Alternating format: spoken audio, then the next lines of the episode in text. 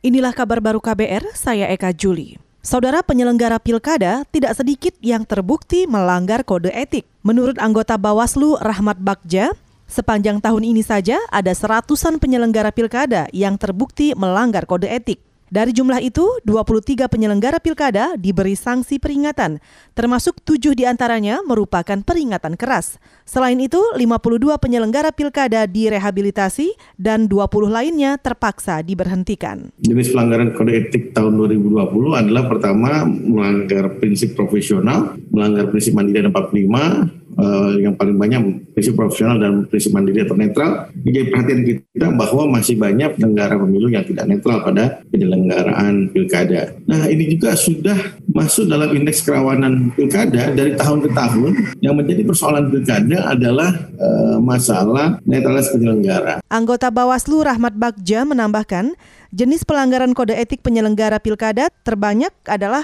terkait netralitas, profesionalitas, dan pelanggaran prinsip lainnya termasuk sumpah janji. Bawaslu juga mencatat pelanggaran kode etik penyelenggara pilkada terbanyak sementara ini terjadi di Sumatera Utara, Gorontalo, dan Jawa Timur. Kita ke soal Undang-Undang Cipta Kerja. Pengesahan Undang-Undang Cipta Kerja diharapkan membawa dampak positif terhadap industri pelayaran nasional.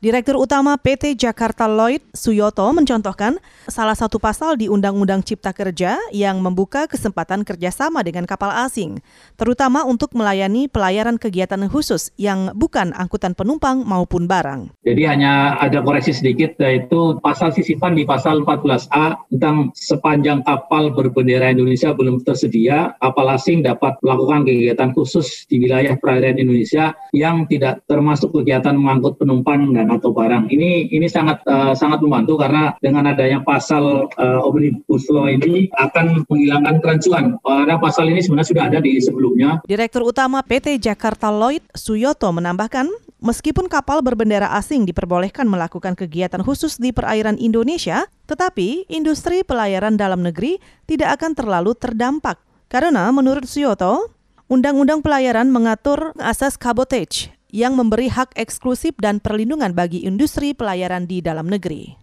Kita ke soal lain, nilai tukar rupiah terhadap dolar Amerika Serikat ke zona hijau pada pembukaan perdagangan pasar spot hari ini setelah menguat 0,38 persen kemarin. Nilai kurs 1 dolar Amerika dibanderol 14.480 rupiah, menguat 0,06 persen dibandingkan dengan penutupan perdagangan kemarin. Sementara itu, di tengah sentimen pemilu Presiden Amerika Serikat, indeks harga saham gabungan kembali melanjutkan penguatan pada pembukaan perdagangan hari ini dan terapresiasi di level 5180.